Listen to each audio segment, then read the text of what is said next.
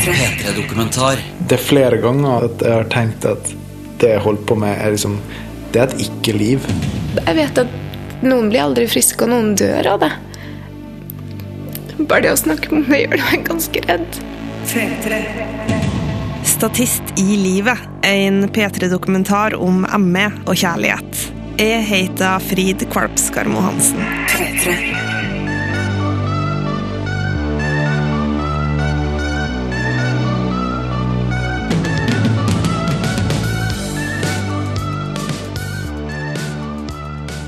I spillverden så har man sånn non-player character. Det er da karakterer som bare ikke er aktive deltakende karakterer, men som bare er på plasser og venter på at du skal komme og snakke med dem, og så bare sier de sine faste fraser. Og litt sånn føles det ofte når jeg får kompiser på besøk, og de forteller hva de har drevet med og sånn, og de spør meg hvordan det går med meg og sånn, og jeg liksom sier på en måte alltid det samme sånn Jo, det går bra, opplever at det blir bedre og sånn, men mm, jeg tenker at det begrenser hvor lenge jeg kan fortsette å bare si det. Fordi at det er jo litt sånn Den utviklinga er veldig minimal, og den går over mange måneders tid. Døra som jeg nå ringer på, den tilhører Andreas. Han er en mann som har kroppsfasongen til en piperenser, og den øverste delen av håret har han festa med et gullfarga hårstrekk. Er de pakka ut av de kassene som står i gangen? Han og kjæresten Siv har akkurat flytta i lag, og i ei stue som er fylt med pappesker, så skjenker Andreas te. Eller det er vel egentlig mer riktig å si at han prøver å skjenke te. Bare prøve å løfte tekanna. Den var ganske tung. Kan du gjøre det? Takk. Du var litt overraska, da. Tung? Nei, at du ikke klarer å løfte den. Oh, ja. ja. Det positive er at jeg går rundt og føler meg som Supermann i forhold. Ja. Jeg syns han er perfekt uansett. Jeg syns sjøl at jeg, jeg har mista litt for mye muskler. Ok, ja, Jeg bryr meg ikke om det. Nei, jeg syns det er litt sånn teit. Jeg føler meg litt sånn svekling. Så lenge du ikke mister humøret. Andreas han er 26 år gammel, men de siste to årene så har han levd livet mer som en 80-åring. Eller som Andreas sjøl beskriver det, en non-player character. Og overgangen ifra å være en spillende til å bli en ikke-spillende karakter i virkeligheten, den skjedde da Andreas etter å ha hatt kyssesyken fikk ME. Og ME er det som på folkemunne ofte kalles for kronisk utmattelsessyndrom. Jeg syns utmattelsessyndrom er et utrolig corny navn. Hvem tar det alvorlig når en person er syk og bare er utmatta hele tida? Alle er jo slitne etter jobb og liksom føler seg litt sånn utmatta. Og det er heller ikke spesielt betegnende for sånn jeg føler meg store deler av tida. Sånn at hvis jeg skulle ha en sånn corny, useriøs useriøst navn, så kunne det heller, synes jeg, het kronisk influensa- og fyllesyk-syndrom. For det er liksom mer treffende. Jeg møtte Andreas for første gang for fem år siden, når vi begge var studenter. Da gikk han i lilla batikk-T-skjorta og gestikulerte alltid med så store armbevegelser at han rev ned ting. Nå har han slutta med alle store bevegelser. Han har slutta å se på TV, slutta å gå på fest, slutta å stå opp senere enn klokka åtte på morgenen, og slutta å spise godis.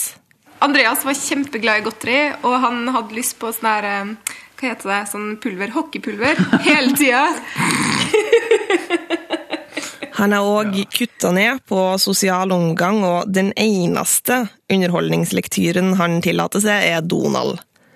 Alt gjør han for å unngå å slite seg ut, i et forsøk på å nå det som kanskje er et fåfengt mål, nemlig å bli frisk i løpet av denne våren. Jeg har redusert studiemengden min fra 20 studiepoeng til 10 studiepoeng. Fordi at jeg, Hvis jeg tar 10 studiepoeng nå, da blir jeg frisk ditt semester her, og så kan jeg ta 30 studiepoeng til høsten, og så kan jeg jobbe og studere i 2014. Sånn at det er liksom Det tenker jeg.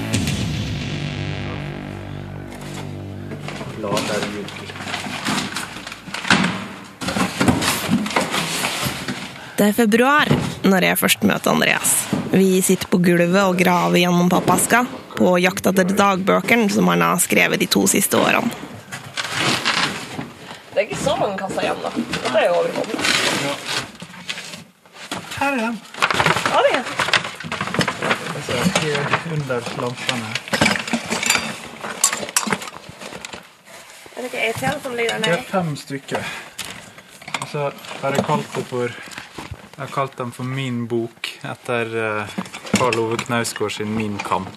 Jeg tenkte liksom at det, han gikk jo gjennom mye drøyere ting enn meg, så jeg forstår at han kalte det kamp. Så jeg tenkte at mine kunne bare være min bok.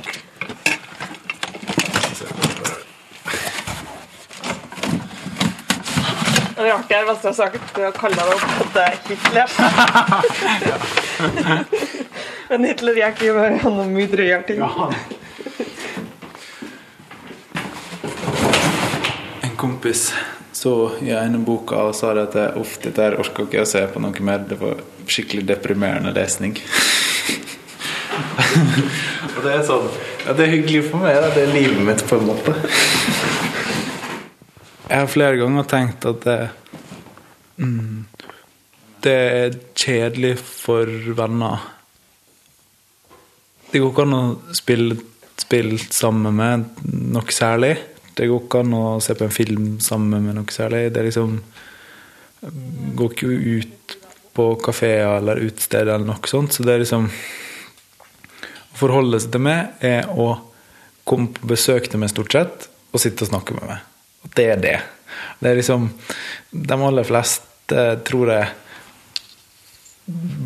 har lyst til å gjøre litt forskjellige ting, og ikke bare liksom sånn Tenker kanskje at jeg er litt kjedelig person, da. Blitt litt kjedeligere person. Når du hører Andreas snakke nå, så tenker du kanskje at han fyren her, han høres jo uforskamma frisk ut.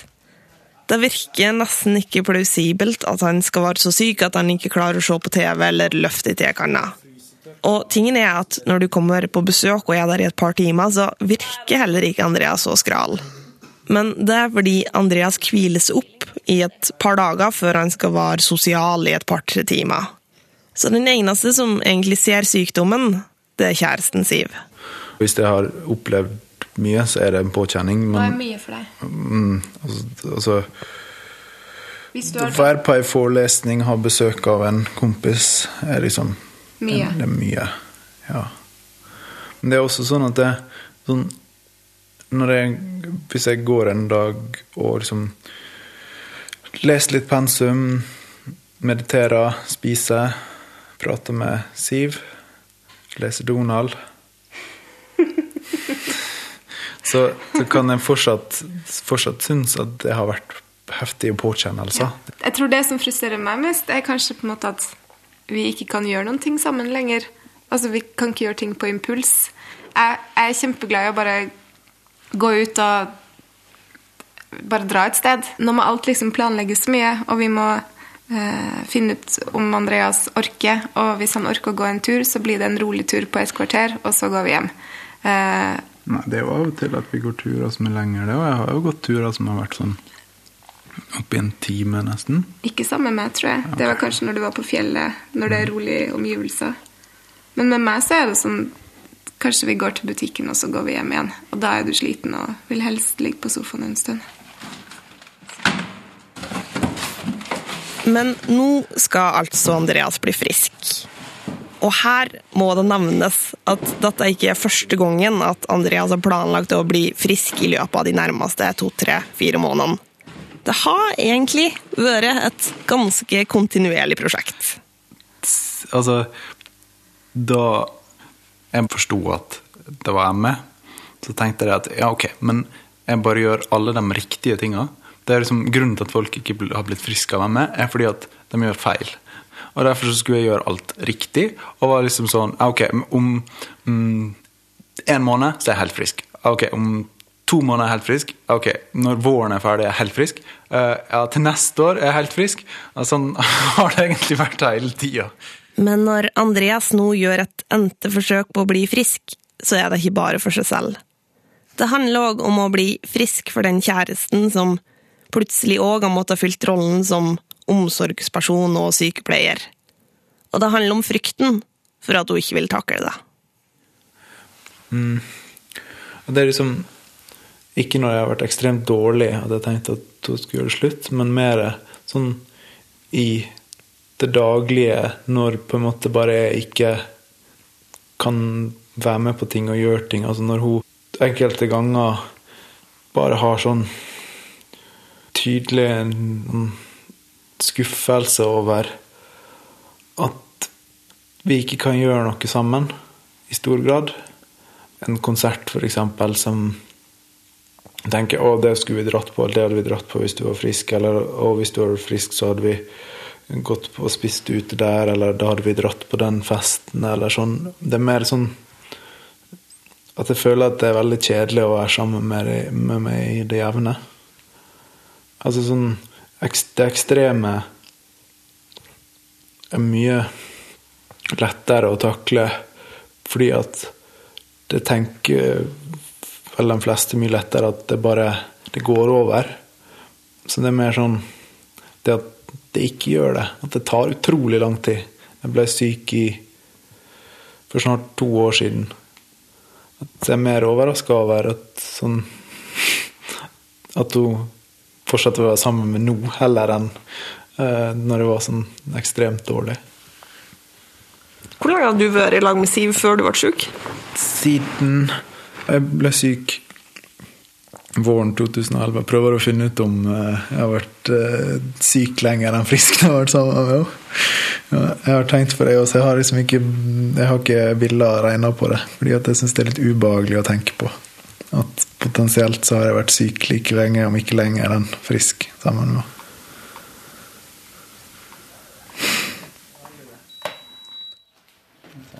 Sette på.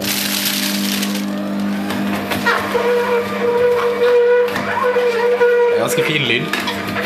Det høres ut som vi driver og dreper små dyr. Det har vært mars. Andreas har akkurat fylt 26 år og har fått Goose-maskin i gave av kjæresten Siv. Og derfor så står vi nå og skviser saften ut av en brokkoli. Det er slakting, liksom.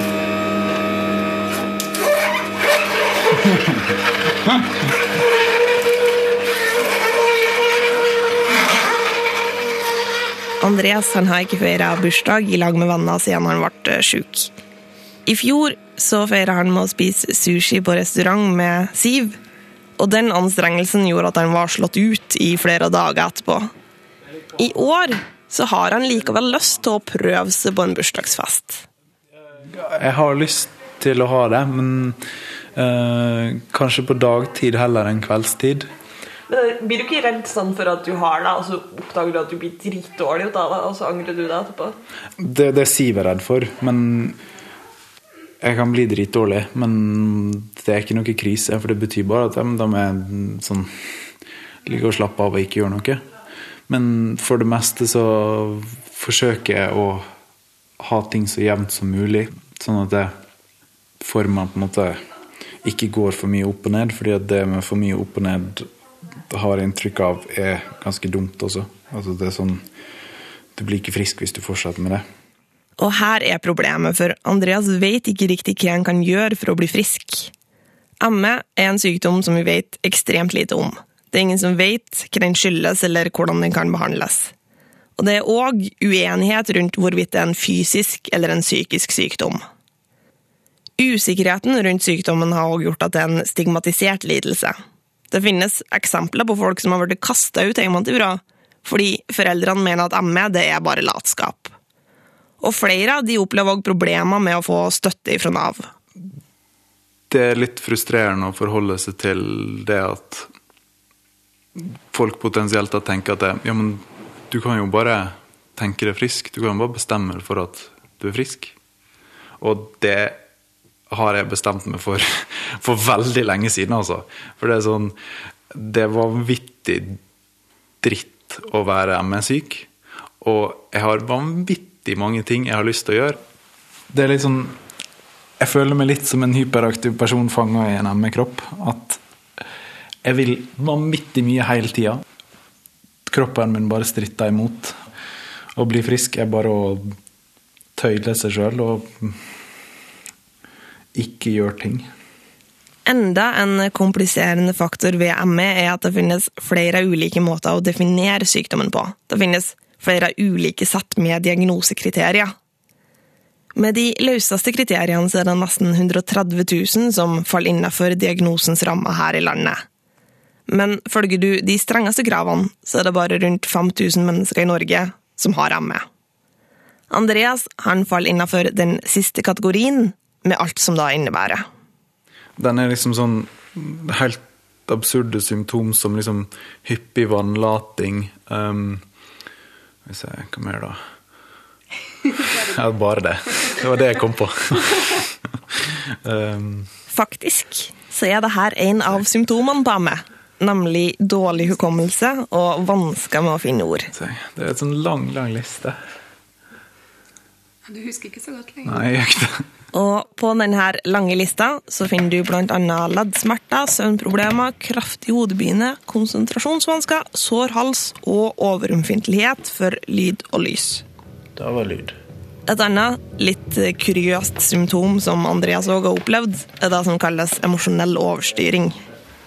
Eller kan jo sette på den sangen som um, Den sangen som uh, Jeg begynte å gråte da jeg hørte på.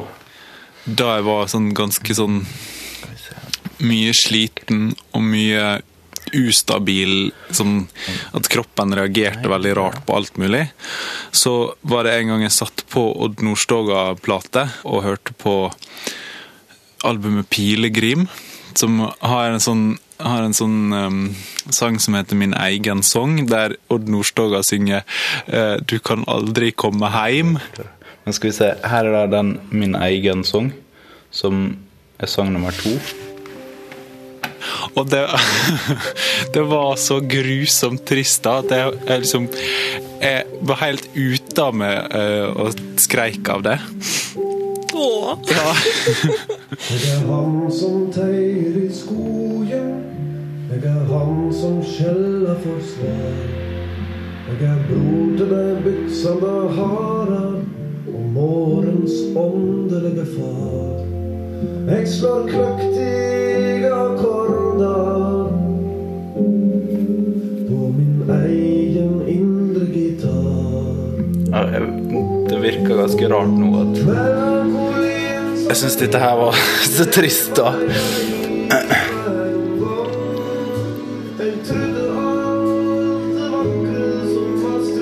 Men jeg husker første gang jeg hørte dette, her, så var jeg på gråten allerede. Allerede med morgens åndelige far. Ja, jeg vet ikke helt. Altså, dette her syns jeg var veldig, veldig, veldig trist.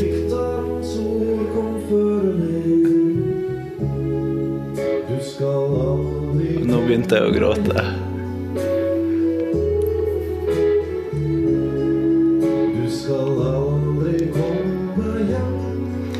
Og da kan jo si at det er sånn Psykologisk så er det jo litt sånn symbolsk sånn Du skal aldri komme hjem. At du kan aldri liksom komme tilbake igjen til sånn ting har vært. Mm. Men jeg tror liksom ikke at det bare var det som jeg syntes var trist. Jeg tror liksom bare at det Jeg vet ikke, det er litt sånn som at jeg har nesten begynt å gråte av å lese Donald når jeg har vært så sliten også. At sånn Veldig mottagelig for den slags sånn melankolske stemninger når du er veldig sliten og influensafølelse, på en måte. Det er ikke nødvendigvis noe trist ved det, fordi at det er liksom en del av sånn livet er. At ting endrer seg, og du kan ikke kontrollere det. Du må liksom bare lære det å akseptere at det skjer Det har skjedd ting med meg som jeg ikke kan kontrollere, og som jeg antageligvis aldri kommer til å bli helt bra igjen av. Og som jeg liksom bare må forsøke å gjøre det beste ut av.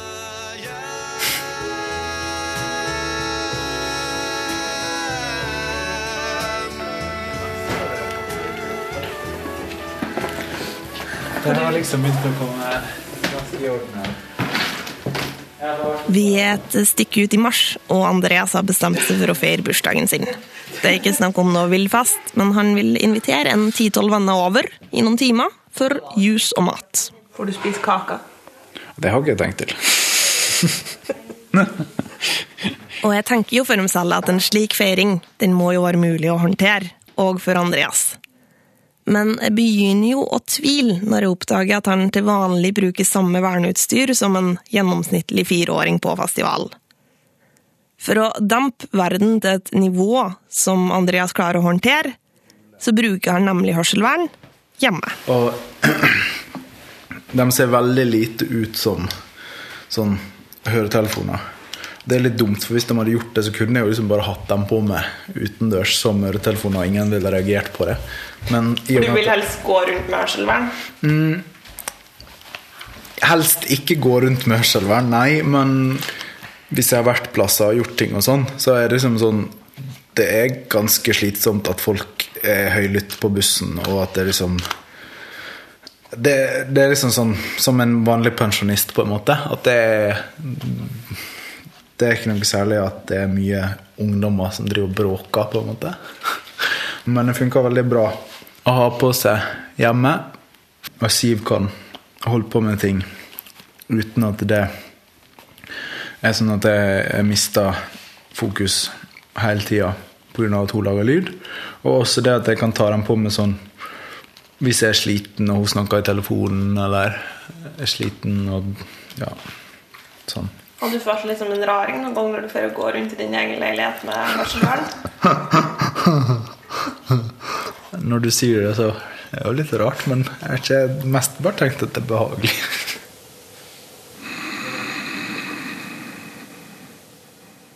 Oftest så bruker Andreas hørselvernene når han mediterer, og da gjør han flere ganger om dagen.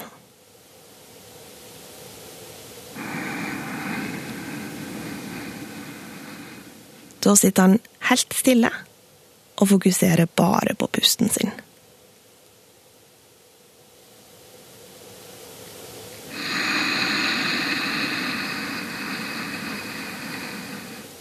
Og når vi sitter her sammen med Andreas og lytter til pusten, så kan man jo lure på hvordan er det å være kjæresten til han fyren som plutselig har begynt å gå med hørselvern hjemme?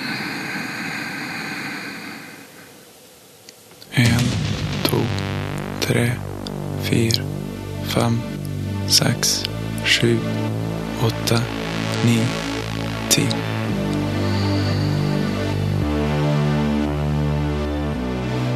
Vent, da. Andreas? Hvor lenge har vi vært sammen? Tre og et halvt år? Fi... Høsten 2000 Tre og et halvt år.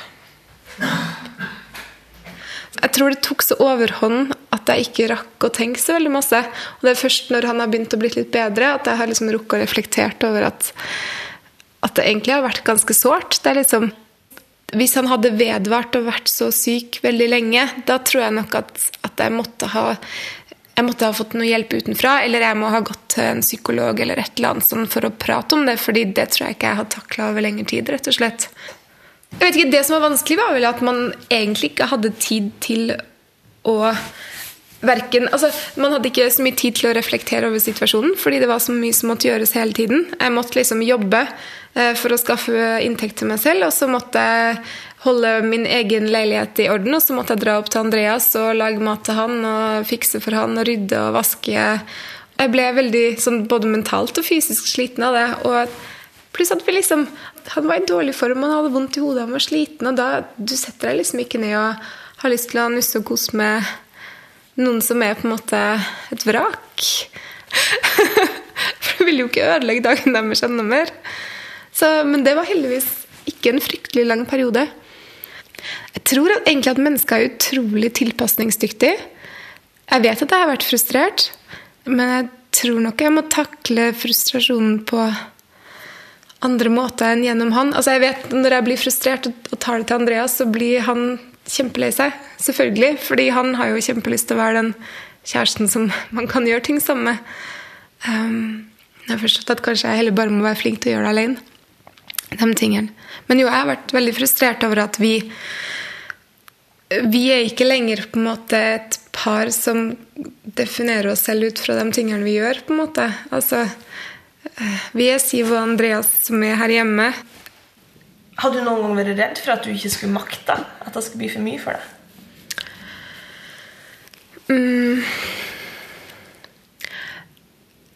Jeg vet ikke. Jeg tenker veldig lite framover. Jeg tenker veldig lite i, i framtidsretta modus. Jeg, jeg tør heller ikke å tenke framtidsretta med han. Jeg tenker at hvis det her er en god dag, så er det fantastisk. Og hvis i morgen er en dårlig dag, så tar vi det heller i morgen. Eh, Så sånn sett så har jeg egentlig ikke tenkt så mye over hva som vil skje hvis han blir dårligere. Jeg har liksom bare egentlig håpet at det ikke vil skje, og så ikke tenkt så veldig mye på det. Um, ja. Jeg tror ikke jeg har så lyst til å tenke på om det kan bli for mye for meg. Jeg tror det er litt for skummelt, egentlig. Jeg blir liksom redd for at jeg skal miste ham som, som person og som kjæreste. Og, altså, jeg vet at noen blir aldri friske, og noen dør av det. Jeg, altså, jeg merker at jeg nesten blir på gråten nå bare av å snakke om det, men sånn Jeg er så glad for at han har det bra nå. Og Bare det å snakke om det gjør meg ganske redd.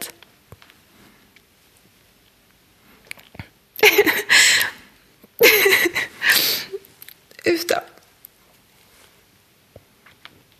Jeg, jeg tror nok det er veldig bra at vi rakk å være kjærester i ett og et halvt før, og liksom bygge forhold. Og, og vi, vi hadde liksom en ganske sånn eh, fast grunn under oss da han plutselig falt.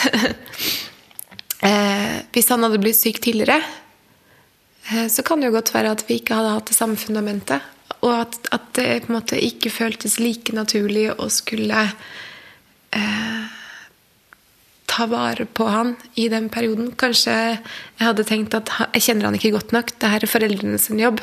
Og så hadde jeg sagt beklager, men Og så hadde han kanskje forstått det.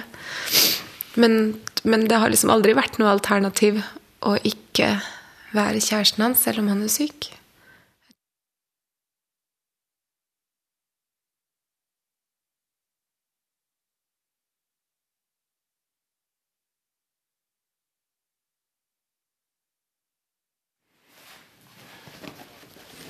Hvor mange det som kommer, da? Det er tror det er 12 eller 13 som kommer i bursdag her til meg. Mm. Og så Det er liksom ingen kake eller noen ting sånt. Det skal være liksom egentlig vegansk, tror jeg. Nei, eh, Det er ikke helt sant det Andreas sier. fordi eh, Vi eh, fant litt i siste liten ut at vi ikke hadde tid til å lage så mye vegansk mat. Så vi kommer til å smelle sammen noe eggerøre og noe røkelaks også. Vi gjør det. Vi har mer enn nok mat. Vi Trenger ikke å gjøre det. Jo, vi må det. Nei, det er mer enn nok Nei, det er ikke det. 13 personer. Vi har ikke det. Jeg lager eggerøre. Så kan dem som vil spise det. Det er april, og nå, nesten en måned etter selve bursdagen, så er det tid for feiring. Eh, jeg håper det blir hyggelig. Eh, Andreas er veldig sliten allerede, bare fordi vi har rydda og ordna mat egentlig ganske sånn lenge i dag. Så ideelt sett så burde vi vært ferdig med alt i går, sånn at han slipper å liksom gjøre så mye før selskapet start. Eh, men eh, jeg håper det går bra. Ja. Feiringa den skal bare vare i fire timer, og den er helt blotta for kake, alkohol eller andre bursdagsrelaterte usunnheter. Likevel så er det her en slags test på om Andreas faktisk har lyktes med å bli, om ikke helt frisk, så i det minste friskere i løpet av våren. Hurra for deg som fyller ditt år, ja, deg vil vi gratulere. Alle vi ring omkring deg, vi står og ser når vi vil marsjere. Bukken ikke nei og snu oss omkring, danse for deg med hopp og svett og sving. Ønsker deg å hjerte alle gode ting og si meg så hva vil du mere? Gratulere.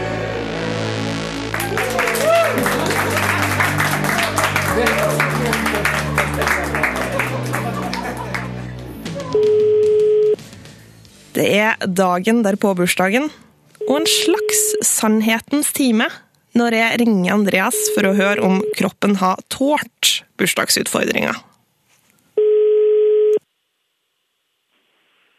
Hallo? Hallo! Hvordan er formen? Den er overraskende bra. Jeg hadde jo besøk i går fra ett til sånn halv seks-seks. Og um, følte at det gikk veldig bra. At jeg liksom ikke fikk sånn migrene, svimle, hodepine med synsforstyrrelser. Og det var veldig fint å ikke ha det. Og det er sånn som jeg mm, innimellom kan få bare sånn når folk kommer på besøk. Og da å kunne ha besøk så lenge uten at jeg opplever det, er ganske fint. Sånn som det føles nå, så er det sånn at det er betraktelig mye bedre nå enn da jeg traff deg i februar. Og liksom kan sånn øh, se på TV nærmest uten å tenke over at jeg, Oi, dette her er ikke noe jeg burde gjøre. Siv sier jeg ser ikke på TV, så det var kanskje litt dårlig eksempel. Men kanskje jeg kan begynne med det, da. Jeg vet ikke, jeg vet ikke helt hvordan jeg skal si det, men øh, Du føler at du nesten kan begynne å se på TV? ja, jeg er så frisk at jeg føler at jeg nesten kan begynne å se på TV. Fantastisk. Jeg føler jo det at jeg har fått vanvittig sånn livsvisdom ut av å være syk. I at jeg har blitt en 80 år gammel mann som noe 20-åring, så har jeg en forståelse av livet som jeg tror veldig få har. Men samtidig så skulle jeg jo vært hele greia foruten. Fordi at det er jo ikke mm,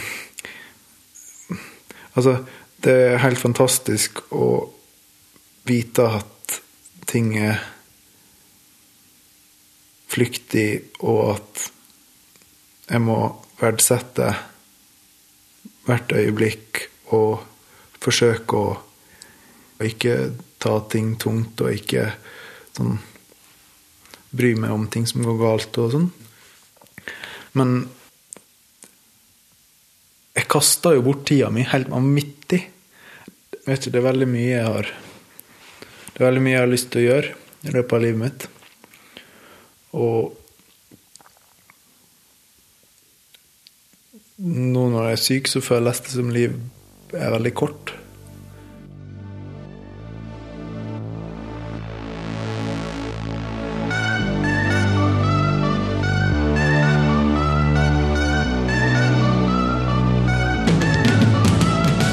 P3-dokumentar søndag klokka ni på P3 og når du vil på p3.no.